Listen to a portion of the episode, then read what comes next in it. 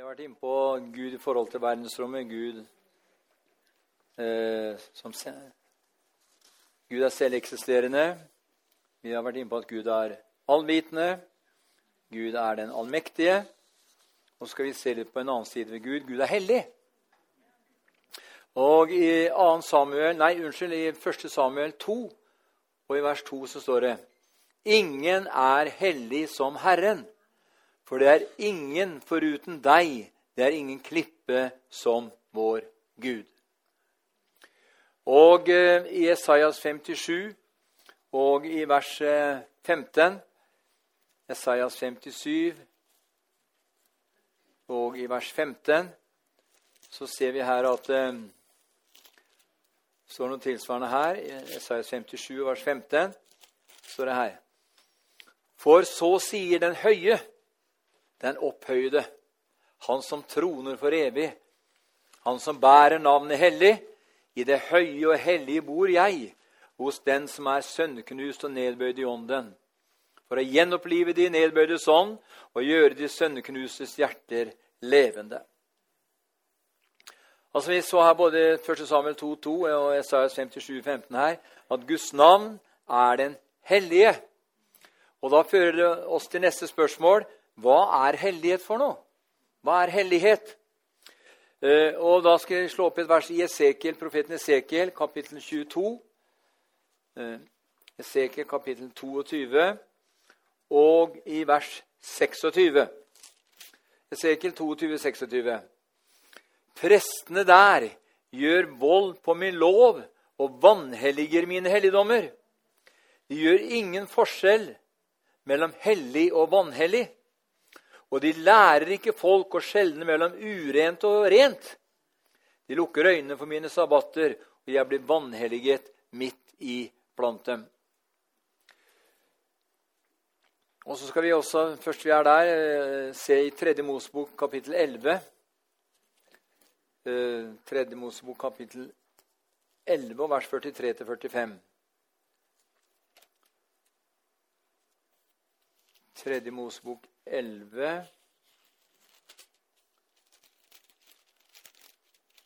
og 43-45. Så står det her Gjør ikke dere selv motbydelige ved noe slikt kryp, og la, dere, og la dere ikke smitte ved dem, så dere blir urene. For jeg er Herren deres Gud, og dere skal være hell... For, eh, for jeg er Herren deres Gud, og dere skal hellige dere. Dere skal være hellige, for jeg er hellig. Dere skal ikke gjøre dere selv u... Dere skal ikke gjøre dere selv urene ved noe av det kryp som rører seg på jorden. For jeg er Herren som førte dere opp fra landet Egypt for å være deres Gud. Dere skal være hellige, for jeg er hellig. Hva betyr ordet he- hellighet? Eller hva betyr hellighet? Det, betyr, det er egentlig hva innebærer ordet hellighet? Det betyr å være fri fra urenhet. Hellighet betyr å være fri fra urenhet. Og eh, vi vet at eh, 1. Peter og vers 1 eh, Det blir jo mye skriftsteder her, men det er jo, det er jo bibeltekst her. Eh, I, eh, I 1. Peter eh, 1. Peter eh, 1 og vers 14-16 så står det her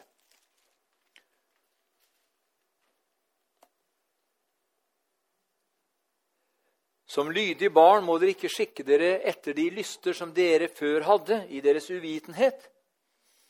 Han sier egentlig at eh, hvis vi begynner å skikke oss etter de gamle lystne, dem hadde vi den gangen vi var uvitende. Men vær etter den hellige som kalte dere, også dere hellige i all deres ferd. For det er skrevet, dere skal være hellige, for jeg er hellig.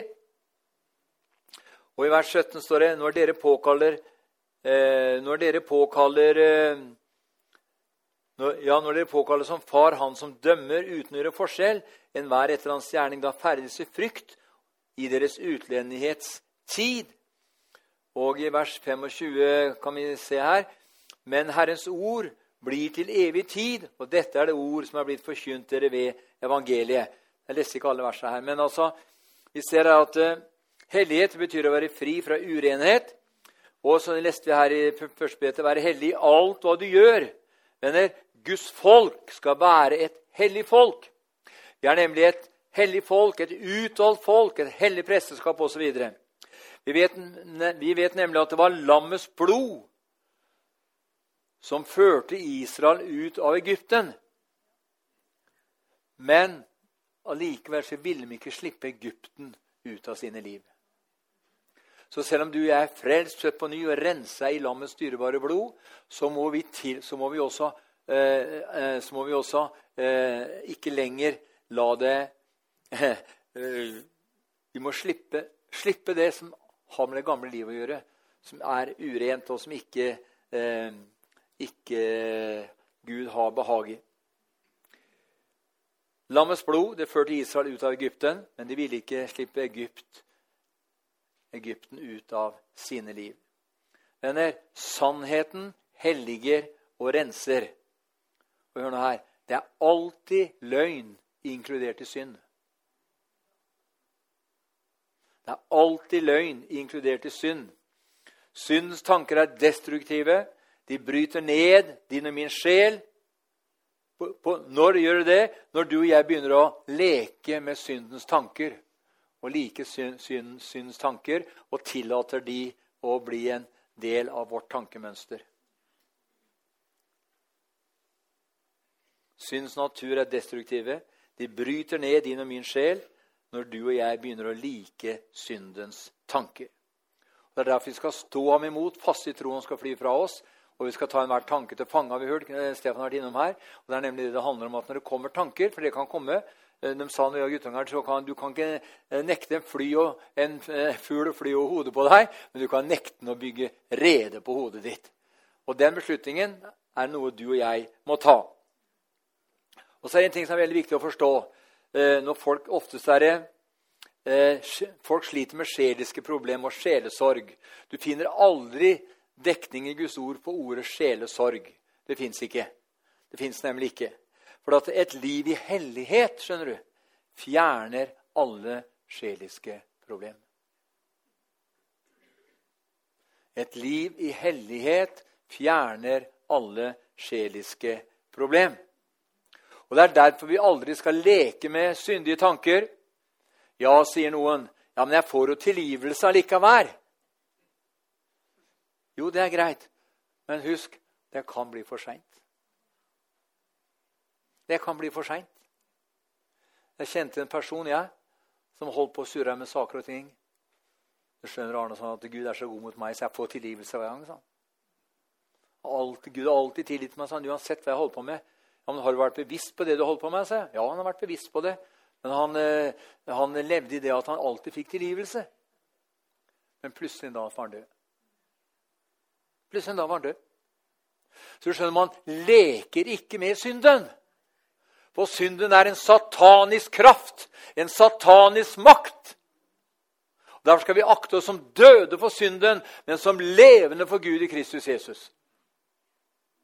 For det er krefter her som du og jeg ikke eh, klarer å takle ut ifra vårt eget sjelsliv og vårt eget kjøtt. Som jeg sa eh, sannheten helliger og renser, og det er alltid løgn inkludert i synd. Og et liv i hellighet fjerner alle sjeliske problem. Derfor leker vi aldri med syndige tanker. Ja, men Hvis det kommer en tanke, da, da tar vi den til fange. da. Vi står den imot. Eksempel fra daglivet. Hvis jeg får et ormebitt, eller du og jeg får et ormebitt, eller slange Og hvis ikke du og jeg får serum i tide, altså motgift, så kan det føre til store problemer. I verste fall kan det føre til død. Ikke sant? Så, eh, og det er derfor vi må og skulle man, være, skulle man komme i en situasjon hvor man faller i et eller annet, så må man sørge for å få motgiften med en gang. Man må kalle på Jesu blod og bare stå det der imot og, og, eh, og eh, innse det at det var noe jeg ikke skulle sagt ja til eller vært med på. Vi ser at uh, i Markus 7 og vers 20 til, til 27 så står det noe om uh, i Markus 7 at det, Paulus sier noe om det at i mitt sjø så bor det intet godt, sier han. Vi ser Humanismen satser på at det bor noe godt i alle mennesker. Men i gru grunnleggende så bor det ikke noe godt i alle mennesker. Ja, men hun tante eller bestemor var så snill og hyggelig og hjalp dem med alt som var. og var aldri noe nei hennes munn. Nei, men, men du har ikke tråkka på liktåa hennes. Tråkker du på liktåa hennes, så smeller hun til deg, skjønner du. Ja. ja. Og du vet at eh i Markus 7 og vers 20-23 så står det her Han la til det som kommer ut fra mennesket, det gjør mennesket urent. For innenfra, fra menneskehjertet, er det de onde tankene kommer utok, tyveri, mord, hor, griskhet, ondskap, svik, utskeielser, ondt øye, spott, hovmod, uforstand. Alt dette onde kommer innenfra og gjør mennesket urent. Altså Det er ikke noe som kommer inn gjennom et menneskes munn, som gjør mennesket urent. Det er det som kommer innenfra. Så hvis det kommer en, en, og, en og, sier til deg at, at, at, hvis du tar deg et glass øl, så går du fortapt, da går du til helvete, så er ikke det sant. Nei. Det er ikke sant. For det er ikke en ting som går inn i et menneske som gjør mennesket urent. Det er det som kommer innenfra. Der kommer det som skaper urenhet, og som skaper ubalanse i vårt eh, gudsforhold. Vi vet at eh, uten Gud, venner, så har mennesket en ond natur. Derfor skyld ikke alltid på djevelen heller. Ja, djevelen lurte meg det sånn. Nei. Urene problem oppstår fordi man tenker feil. Så enkelt er det. Har du hørt uttrykket 'Hvor ligger hunden begravet?' Han ligger hos deg. Jesus ble fristet, venner, prøvet i alt, uten at noe fikk feste på ham. Vet du hvorfor det? Han sto imot. Han sto imot. Du kan ikke nekte tanken å komme, men du, kan, du bør ikke begynne å leke videre med den. Du må stoppe den der og da. Du må stoppe den i porten. Har han fritt leie, så kommer han fram til døra, og du lukker opp døra, og der står han.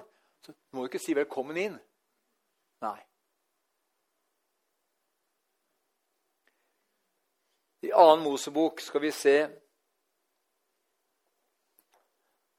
Fordi Jesus han altså sto imot. Gud kan ikke fristes, har vi lest tidligere her eller tenke negativt. Han er en hellig Gud. Han kan ikke tenke noe urent. Gud kan ikke tenke noe urent. Og hellighet betyr også å være atskilt. Det betyr ikke isolasjon, at du går i kloster. Ved å se på Jesus så ser vi han var ikke noe klostertilværelse. det. Han gikk om blant folket. Han var blant folket. Hellighet er heller ikke seremonelle handlinger. La oss se på et uh, divers her i 2. Mosebok 40 og vers 9-13. 2. Mosebok 2. Mosebok 40 og 9-13, så, så ser vi her. Ja. Deretter skal du ta salvingsoljen og salve tabernakelet og alt som er i det og du skal hellige tabernakelet og alt som hører det til, så det blir hellig. Du skal salve brennofferalteret og alt som hører det til. Du skal hellige alteret, og alteret skal være høyhellig. Og du skal salve vaskekaret og dets fotstykke og hellige det. Så skal du føre Aron og hans sønner fram til inngangen til sammenkomstens telt og vaske dem med vann.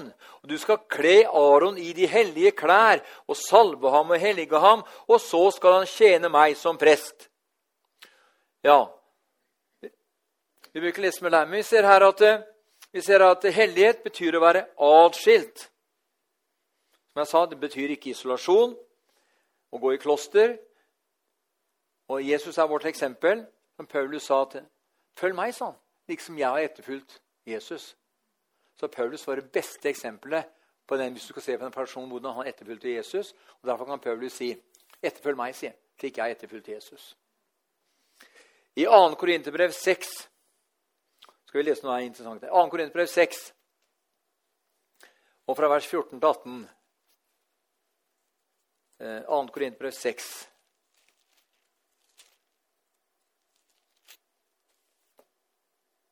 Og 14 til 18. Skal vi se her. Dra ikke fremmed åk med vantro. For hva delaktighet har rettferd med urett? Eller hva samfunn har lys med mørke? Og hva samklang er det mellom Kristus og Belial? Eller hva samfunn har en trone med en vantro? Og hva enighet er det mellom Guds tempel og avguder? Vi er jo den levende Guds tempel, som Gud har sagt. Jeg vil bo hos dem og ferdes iblant dem, og jeg vil være deres Gud, og de skal være mitt folk. Gå derfor ut fra dem og skill dere fra dem, sier Herren, og rør ikke noe urent. Da vil jeg ta imot dere. Jeg skal være deres far, og dere skal være mine sønner og døtre, sier Herren den allmektige. Hva han begynner med her? Han snakker om å ikke gå i forening med en vantro. Hva betyr det? Det vil si en ikke-troende. På et dypt plan, på et hjerteplan. Det betyr ganske enkelt også at du, hvis du skal gifte deg, så skal du ikke gifte deg med en vantro. Hvis du sjøl er frelst og født på ny. Ja, men det ordner seg sikkert underveis. Nei, det gjør ikke det. Det gjør ikke det. Og Derfor er det, er det så viktig, så viktig at, at, vi forstår at, eh, at, som han sier her, at for på hva samklang er det mellom Gud og avgudene? Det er ikke noe samklang, det er ikke noe fellesskap der i hele tatt. De, første, de første, av de ti bud var du skal ikke ha andre guder enn meg. Og det er klart at Når du ikke skal ha andre guder enn Herren, så kan, ikke, så, kan ikke, så kan det ikke være noe fellesskap mellom andre guder og vår Gud.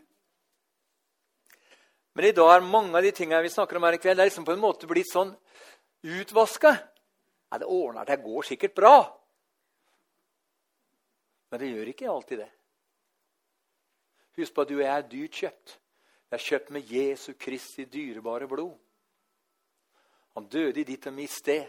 Han oppsto i ditt og mitt sted. Han satte seg ved Faderens høyre hånd og plasserte deg og meg i ham. Der i himmelen, der han sitter ved Faderens høyre hånd. Men i 5. Mosbok 23, og vers 12-14, skal vi se på noen vers her. 5. Eh, Mosebok 23 og vers 12-14 står det her. Du skal ha et sted utenfor leiren som du kan gå til. Til å gå på do, altså. Mellom dine redskaper skal du ha en spade, men den skal du grave et hull når du setter deg ned der ute, så ingen, så, og så igjen dekke over det som er gått ut fra deg. For Herren din Gud vandrer midt i din leir for å redde deg og gi dine fiender i din vold, og din leir skal være hellig for at han ikke skal se noe motbydelig hos deg og vende seg bort fra deg. Hva betyr det? Jo, det handler om toalettbesøk. Det, det, må være rent overalt. Det må være rent på toalettet òg. Hvis du og jeg er skal, eh, Eller der hvor du og jeg er, skal det være rent og i orden. Det skal være rent og i orden. Tenk deg at Herren går inn i ditt hus. da. Oppvasken har stått der eh, siden sist uke. Det flyter over oppvaskbenken overalt, og eh, oppvaskkummen lukter det dritt i. Ja, Så kommer Herren rett inn på kjøkkenet ditt. Nei, du skal sørge for at det er rent til enhver tid. Uten at du skal få støv på hjernen. Det er noe helt annet. Det er noe helt annet. Uh, husk at alt i himmelen er rent, venner. Og ditt og mitt ytre forteller egentlig hvordan du og jeg har det i vårt indre. Sett en narkoman Vi har hatt narkomane boende på huset her tidligere. La en, Sett en narkoman på et rom, og la han få lov til å være der ett døgn, så ser det ikke ut. Det ser, ser ut som et grisehus etter ett døgn. Vet du hvorfor? Jo, for det er sånne sterke sataniske åndsmakter som preger den narkomane som han sjøl ikke har kraft over til å løse. Vi hadde en her vi måtte ha en som kom og gjorde den til etter hver dag. Gud er hellig, og du og jeg skal være hellige, vi òg. Husk som jeg sa, alt i himmelen er rent. Og ditt og mitt ytre forteller om hvordan du og jeg har det i vårt indre. Men som jeg sa, vi skal ikke overdrive, skal ikke, det er ikke overdrift eller mani. Da er det ikke Gud som virker, for vi har ikke støv på hjernen. ikke sant? Men vi har en alminnelig renhet og orden. Jeg husker jeg hadde en kunde en gang på Fritzenbakken. Det var sånn at, vet du, det, eh, det damene snakka om da liksom på, eh, på fredag Han kom i butikken på formiddagen og handla. Ja, eh, i, kveld skal jeg, I dag skal jeg ordentlig fredagsrent. Når de skulle gjøre fredagsrent, for det skulle være rent til helga. Det var sånn fredagsrent. vet du. Og så hadde jeg en kunde som hun sa det, sa, ja, nå kom til jul, da, vet du, og da skulle vi gjøre ordentlig rent. og Da var det noen som ta seg tre dagers fri. da, For de hadde tre dager, kunne være tre dager sjukmeldt uten at de fikk trekk i lønna. Så da hadde de satt av det. Det var satt av hver jul. Mange av, dem, mange av disse damene der jeg husker godt. Ja, de hadde satt av en tre dager. De tar dem. mange dager har du igjen, sa de. Nei, jeg har to. Ja, men da, jeg har tre. da hadde de opptil to-tre dager igjen. Og da skulle de ha storrengjøring til jul. Og hun dama som sa til jeg pleier å gjøre sånn godt fredagsrent, hun kom inn i butikken en dag da, vet du, til jul sa det. Nei, nå skal folk gjøre så Jeg har tenkt, jeg sa til de andre, at i år gjør jeg bare litt sånn godt fredagsrent. sa hun. Men hun gjorde ikke rent på fredag heller, vet du. Jeg glemmer det aldri, altså. Jeg gjør bare litt sånn godt hun til jul. Men det var ikke så greit heller. Jeg unnskylder henne da, på en måte, for hun hadde mye å slite med. Men eh, så ditt og mitt hjem skjønner, skal være en hellig plass. Esaia 6 og kapittel 1, nei, kap, Esaiah 6 og vers 1-4. Uh, eh, 6.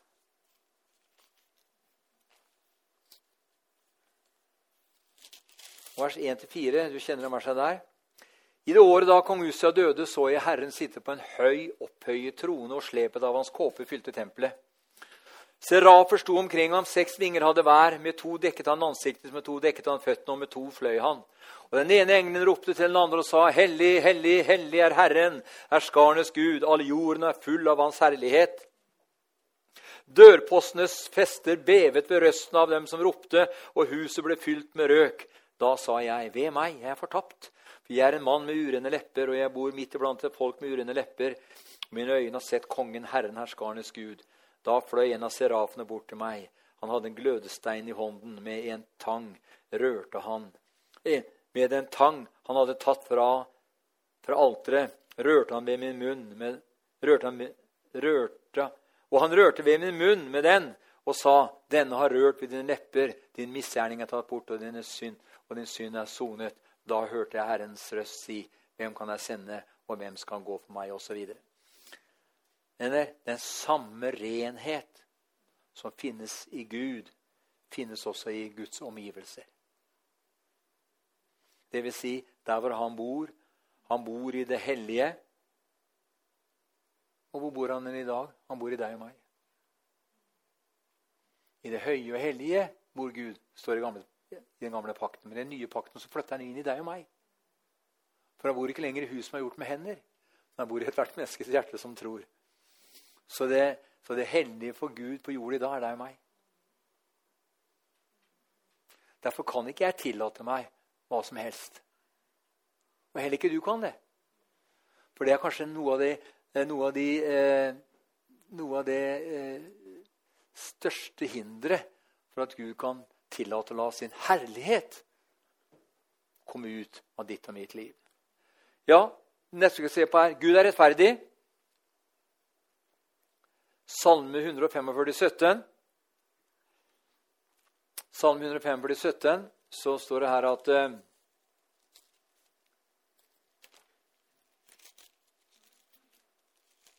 Salme 145 og i vers 17.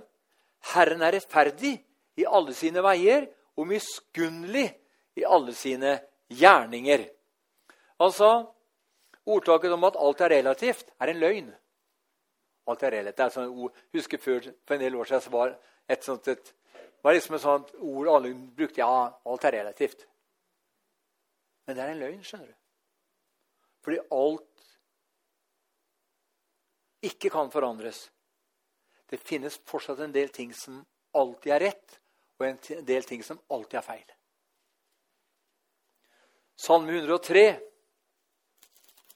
og i vers 6 sier det her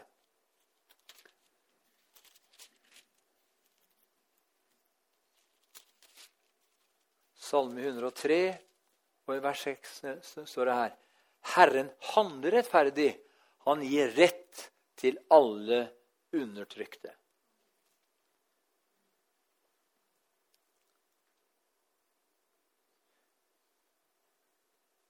I Sefania kapittel 3 og vers 5 så står det Ja, du tar dem der. Stefania kapittel 3. Og Herren skaper rettferd. Han lar alle undertrykte få sin rett. Nei, nei. Eh, Stefania eh, kapittel 3 vers 5. Herren rår med rettferd, han gjør ingen urett. Hver morgen feller han sin dom. Den mangler ikke når dagen gryr. Men den som gjør urett, kjenner ikke skam, står det her. Altså, Gud er faktisk normen for rett og for feil. Loven som frelsesveivenner har fått sin ende, men normen, de ti bud, gjelder jo fortsatt. Gud har ikke fjerna de ti budene. Nei, Normen er der ennå. Det er fortsatt forbudt å stjele. Eller det er fortsatt eh, synd å slå i hjel. Og Det neste vi skal se på, er at alt det Gud gjør, er rett. Loven venner, den gjenspeiler Guds vesen. Eksempel, du skal ikke stjele. Det kommer av at Gud aldri stjeler. Derfor skal heller ikke du stjele, for du og jeg er i hans bilde. Jeg er i hans bilde. Jakob 4, 12. Eh, Jakob 4 og i vers 12 eh, sier her at eh, Jakob 4 vers 12 så står det her Én er lovgiveren og dommeren, han som har makt både til å frelse og til å ødelegge. Men du, hvem er du som dømmer din neste, står det her. Altså vedrørende moralske og fysiske valg. Lovgiveren er Gud Dom, eh, lovgiveren er Gud, dommeren er Gud. Fordi den som utgir en lov, må også være dommer i henhold til den loven han, eh, han utgir eller produserer. Og Vi vet at i Rombrevet 2 og i vers 3 så står noe, så står noe interessant her. Eh, jeg blir ikke ferdig her i dag likevel, men vi kan ta resten en annen gang. I Rombrevet 2 og i vers 3 så står det her Men du menneske, døm, men du menneske som dømmer, disse som gjør slikt og selv gjør det samme, mener du at du skal unnfly Guds dom? Altså Her er noe radikal, da. Men du som dømmer, mener du at selv skal unnfly Guds dom? Og Så sier han videre i vers 16 i Rombrevet 2, så sier han her På den dag da Gud skal dømme det skjulte hos menneskene etter mitt evangelium ved Jesus Kristus, sier Paulus her. Altså gjenopprettelse av ordningen er hensikten med dom. Det vil si så det kan begynne å fungere som normalt igjen. Gud dømmer rettferdig, og det er alltid menneskets feil. Det vil si synden. Og vers 16 dømmer til død. Gud, døm, Gud kan dømme til død, men Gud kan, dømmer også til liv. Derfor vil heller ikke fortapelsen bli lik for alle. Det vil være en forskjell i fortapelsen for Adolf Hitler og for eh, Magda som rusla uten å ta imot Jesus, men har levd et godt liv. Nå går fortapt allikevel. Det var en som for mange mange år siden han hadde syn. Han så ned han så ned i fortapelsen. Og så sier han da at det jeg ser, sier han, det jeg fikk se, sa han, det var at det, eh, det var grader av ild over de fortapte. Og da visste guden det at, at de, som, de, som egentlig, de som hadde på en måte bevisst herja og slakta og drept og, De var det mer ild over enn dem. Gud er rettferdig, vet du. Det er klart at Når du og jeg skal hjem på Jesu Kristi domstol, skal hjem til himmelen, og vi skal få lønn ettersom vår, vår gjerning er, så blir det også gradsforskjeller på belønningen.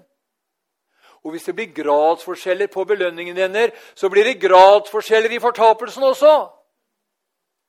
Det er ikke noe folk tenker på, men det er, det er bare sånn. Men uansett om det blir gradsforskjeller eh, gradsforskjeller i fortapelsen, så er man likevel i fortapelsen.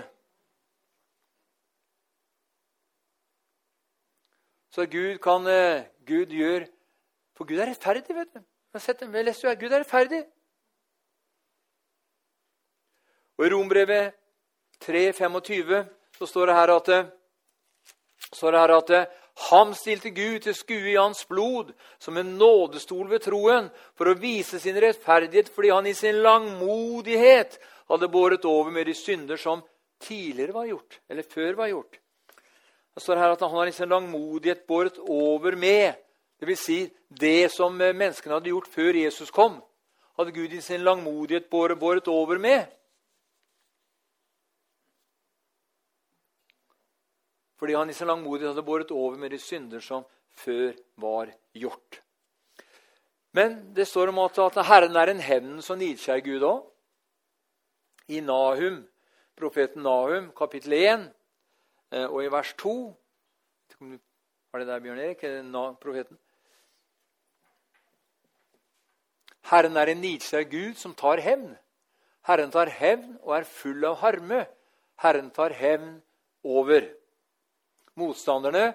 Han holder fast på vreden mot fiendene. Her leser vi at eh, Gud er en hevnsgud òg. Ja, men er ikke Gud bare kjærlighet? Jo visst, vi har ikke kommet inn på det men Gud er bare kjærlighet. Men når Jesus kom til synagogen i Lukas 4 der eh, Nei, jo. Hvor han, de ga han eh, Esaias-boken. Og hans øyne falt på Esaias der, at Herrens sønn er over meg, for han har salvet meg til å forkynne evangeliet for fattige osv. Og så klapper han boka igjen. sånn at I dag er dette skriftens ord oppfylt for deres ører. Men, på men, men i profeten Esaias så står det noe mer. Og en hevnens dag fra vår Gud. Det tok, leste ikke Jesus opp. For, ikke, for, vi er i nådens tidshusholdning, og den tidshusholdningen varer inntil opprettelsen av riket kommer. Og Derfor er det nemlig sånn at, sånn at det kommer en hevnens dag. For Gud hevner også. Altså, eh, og derfor er det en, For Gud er både han er en nidkjær Gud. Halleluja. Men det står også i Salme 103 eh, eh, Kan vi se det i Salme 103, eh, og fra vers 9 til 10. Salme 103 Skal vi se Salme 103, vers 9-10, så leser vi her. Han går ikke alltid i rette og gjemmer ikke på vrede for evig. Han gjør ikke med oss etter våre synder og gjengjelder oss ikke etter våre misgjerninger. For så høy som himmelen over jorden er hans miskunnhet mektig over dem som frykter ham. Så langt som øst er fra vest lar han våre misgjerninger være langt borte fra oss. Vi ser her at uh, han går ikke stadig rette og gjemmer ikke på vrede. Men Gud kan bli vred, venner, men han er ikke vred. Gud er i utgangspunktet nådig og barmhjertig. Både du og jeg kan bli vrede når vi møter urettferdighet. Men når du vreder, så synd ikke, står det.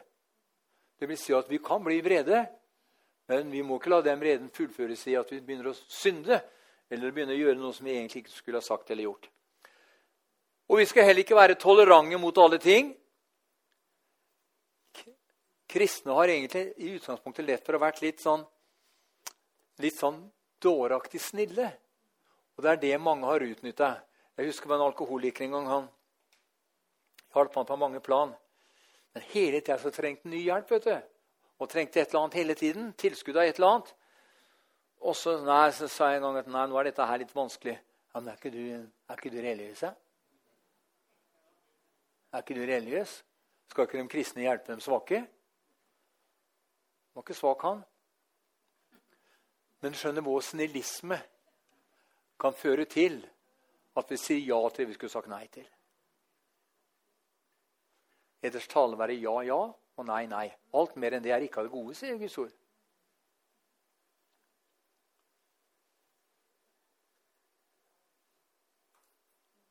I Esekiel 18 Eh, og vers 29-32 eh, Det blir mye skriftsteder, men det blir jo sånn det er. Esekiel 18. Og alle kan sikkert slenges ut på flere måter her, men 18. Esekiel 18 opp fra 29 til 32.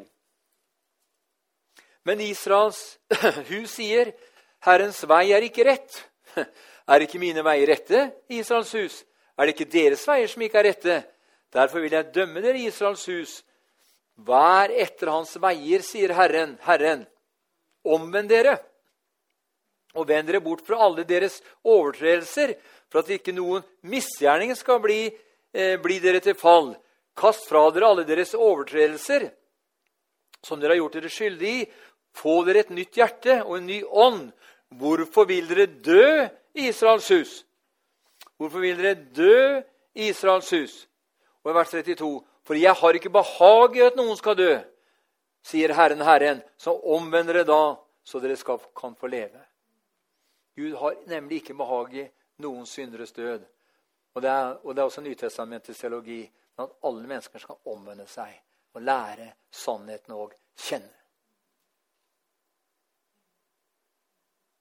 Så kan noen si ja, men jeg kan ikke la være. Nei, men da må du bli født på ny, da. Det var før du ble født på ny de ikke kunne gjøre det de ønska å gjøre. Men jeg skal skrive min, jeg skal gi dere en ta ut stenhjerte og gi dere et kjødhjerte. Så skal jeg skrive min lov på deres hjerter.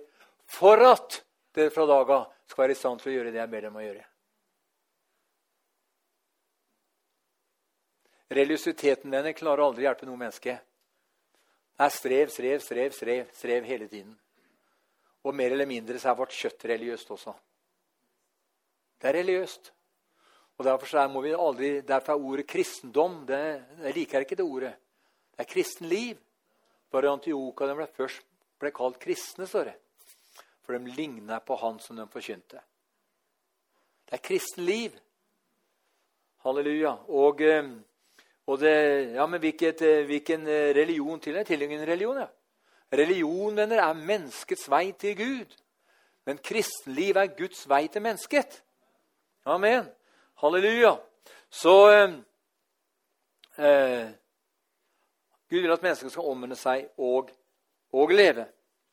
Jeg rekker, vi rekker, rekker en, eh, en, sesjon til her. Gud er barmhjertig. Eh, Efesbrevet 2,4. Gud er rik på barmhjertighet. Hva betyr barmhjertighet? Det betyr å være godhjerta, med lidenhet. Gud, Gud syns ikke synd på skjønner du. Jeg syns synd på han, sier Gud. Gud har aldri sagt det. Gud syns ikke synd på noen av. Han syns ikke synd på oss, men han strekker sin hånd ut for å hjelpe deg og meg.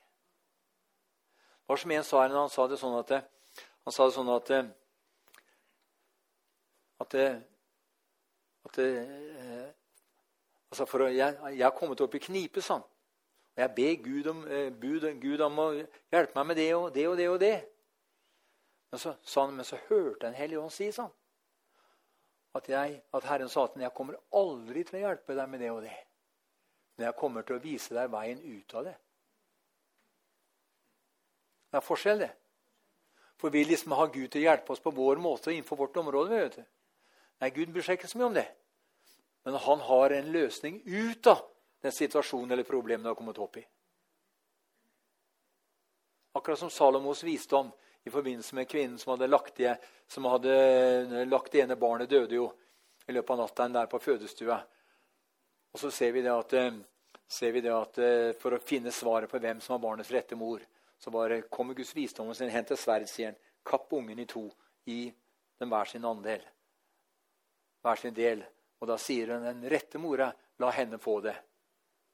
Ikke sant? Det var Guds løsning.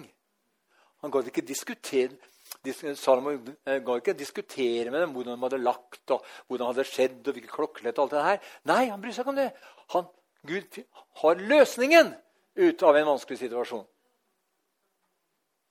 Han går ikke inn i den vanskelige situasjonen, men han viser deg hvordan du skal komme ut av den vanskelige situasjonen. For Gud er barmhjertig. Og legg merke til venner, at Jesus gikk aldri omkring og klappa folk på skuldra og sa 'Jeg elsker deg'. Finner du eksempler på det? Vi så den rike mannen, ynglingen som kom til Jesus. 'Hva skal jeg gjøre for å få evig liv?' han. Så står det at Jesus så på ham og fikk ham kjær. Så sa han, 'Selv alt du eier, har å gi til de fattige, kom så og følg meg.' Så står det, 'Da gikk han bedrøvet bort, fordi han var meget rik', står det. Det var ikke det at Jesus hadde imot rikdommen hans, men var at rikdommen sto over Jesus.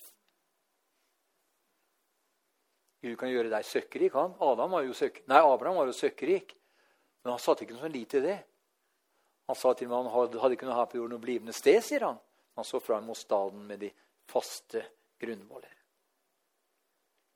I Salme 145 og vers 7-10 eh, Salme Men Gud eh, Ja, fra vers ja, eh, Salme 145 og vers 7-10. Ja. De lar det gå gjetord om din store godhet og jubler over din rettferd.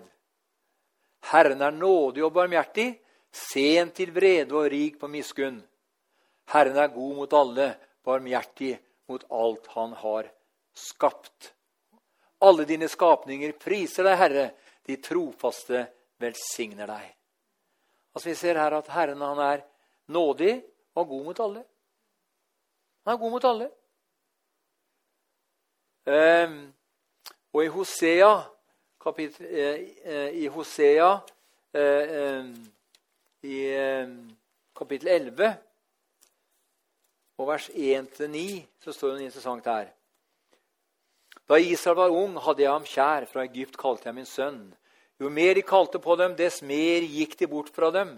De ofrer til balene og brenner røkelse for de utskårede bildene. Og det var jeg som lærte Efraim å gå, og tok dem på mine armer. Men de skjønte ikke at jeg helbredet dem. Med menneskebånd drog jeg dem. Med menneskebånd dro jeg dem med kjærlighetens rep. Jeg var for dem som de som let, letter åket over kjeven, og jeg gav ham føde. Han skal ikke vende tilbake til landet Egypt, men Asur skal være hans konge, for de ville ikke vende om. Sverdet skal fare om i hans byer og tilintetgjøre hans bommer og ete om seg for deres onde råds skyld. For mitt folk henger fast ved sitt frafall fra meg. Selv om de kaller på den høyeste, vil, jeg, eh, vil han ikke reise dem opp. Hvordan skal jeg kunne oppgi deg, Efraim? Hvordan skal jeg kunne gi deg til pris i Israel? Hvordan skal jeg kunne gi deg opp? Gi deg opp som Alma, gjør med deg som Seboim. Mitt hjerte vender, vender seg i meg, all min medynk våkner. Jeg vil ikke fullbyrde, jeg vil ikke fullbyrde min brennende vrede. Jeg vil ikke igjen ødelegge Efraim, for jeg er Gud og ikke et menneske. Den hellige midt iblant deg. Jeg kommer ikke med glødende Jeg kommer ikke med glødende harme. Halleluja. Vi ser at Gud han er nådig og barmhjertig og ser alltid etter en løsning for å velsigne og vise barmhjertighet. Så Gud er kjærlighet. Det vil si, du klarer ikke å få Gud til å slutte å elske et menneske. Å elske betyr ikke at alt er velbehagelig for ham. Et eksempel hvis et barn gjør noe det ikke skulle ha gjort, Vet, Den Herren elsker, eller kan også eh, tukter eller korrigerer han likevel. Men han er like høyt elsket fordi det ikke er en forandring eller skiftende skygge hos ham. Så Gud kan ikke la være å elske, vet du, for han er kjærlighet. Han er god, han er barmhjertig. Selv om du og jeg kan gjøre ting som ikke behager ham, så er ikke det grunnlag for at han slutter å elske deg og elske meg. Halleluja. Uh, vi rekker et vers til her. Vi, ja. vi skal ta i, i 1. Korinterbrev 10. Jeg kan avslutte med det. 1. Korinterbrev 10. Jeg har kommet til side 6 i opplegget mitt. Jeg har tolv sider her. 1. Eh, Korinterbrev 10. Eh, skal vi se her. 1. Korinterbrev 10, og fra vers 2 til 5. For det vitnesbyrd gir jeg dem at de har nidkjærhet for Gud, men uten den rette forstand, da de ikke kjente Guds rettferdighet, men søkte å grunnlegge sin egen rettferdighet, gav de seg ikke inn under Guds rettferdighet. For Kristus er lovens endemål til rettferdighet for hver den som tror. Moses skriver jo om rettferdigheten av loven. Det mennesket som gjør disse ting, skal leve ved den. Og eh, eh, i 4. Mosebok kapittel 14 og fra vers eh, 21 til 31 skal ikke rekker ikke å gå inn på alle de versene der nå, men summen av det hele venner er at Gud hadde et oppgjør med menigheten sin i ørkenen. Han hadde et oppgjør med menigheten i ørkenen. Og eh, jeg tror faktisk det at eh, det er tider hvor Gud må ta et oppgjør med ting. Ikke da at han ønsker å skade noen og ødelegge noen, men han vil ha dem inn på den vei som han har planlagt for dem. Han vil ha dem inn i de ferdiglagte gjerningene, han vil ha dem inn i det forholdet hvor han kan få være deres Gud, og de kan få være hans barn, og han kan få begynne å betro dem gaver og hemmeligheter og rikdommer. For jeg har nemlig skatter skjult på hemmelige plasser, sier Herren. Og de hemmelige skattene som Gud vil åpenbare nå, før Jesus kommer igjen, venner, vil han åpenbare for de som elsker ham, og som lengter etter å adlyde ham, og gjøre hans planer og holde hans eh, ord på alle områder i sitt liv, så skal vi få se at de skjulte skattene de kommer fram til rett tid. Norge var et fattig land på 1930-tallet. Det var fattigdom og nød og elendighet. Samme på 40- og delvis 50- og delvis 60-tallet. Men så åpenbarte Gud de skjulte skattene i Nordsjøen for den norske stat. Og det har ført til at Norge har blitt et søkkrikt land. Ikke pga. det folket som bor i Norge da, men som et resultat av at Gud elsker Norge. Og Gud har omsorg for sitt folk. Og ned gjennom historien i vårt land, venner, så har mennesker i sin nød ropte Gud. De har grått på sine, eh, grått sine, på sine knær og ropte Gud om vekkelse og gjennombrudd og seier for landet vårt. Og så kom Gud til rett tid, så bare åpenbarte han disse skattene. I dag, de, I dag, er de skjulte skattene mye av det er gjort om til et oljefond med 12 000-13 000 milliarder. Hvem eier det? Himmelen jorden, alt som overfører den, alt hører Herren til. Vet du hva jeg tror? Jeg tror Gud skal ta tak i den kronen etter hvert. Ja. Inn i misjon. Inn i evangelisering. Ikke bare evangelisering, men inn i de ferdiglagte gjerningene. For det er en del ting Gud kommer til å be oss om å gjøre framover, som kommer til å koste enormt. Men han som ber oss om å gjøre det, skjønner du, han er også ansvarlig for ressursene til å fullføre det. Halleluja. Ja, venner, Det er mye mer å si om hvem Gud er. Han, eh, men det er veldig viktig at vi blir klar over at det, det er ikke en, sånn, en liten sånn en, eh, en liten sånn en, uh, apekattgud som sitter i et bur. vet du. I India er det 350 millioner husguder. De er plassert i sånne 30 cm bredde kasse og høyde. Liksom. Der har de liksom uh, dem til den. alt mulig. Der skjønner Vår Gud er så stor og mektig at himmelen kan ikke romme ham. Himmelen kan ikke romme ham. Og han er interessert i deg. Han er interessert i oss hver og en.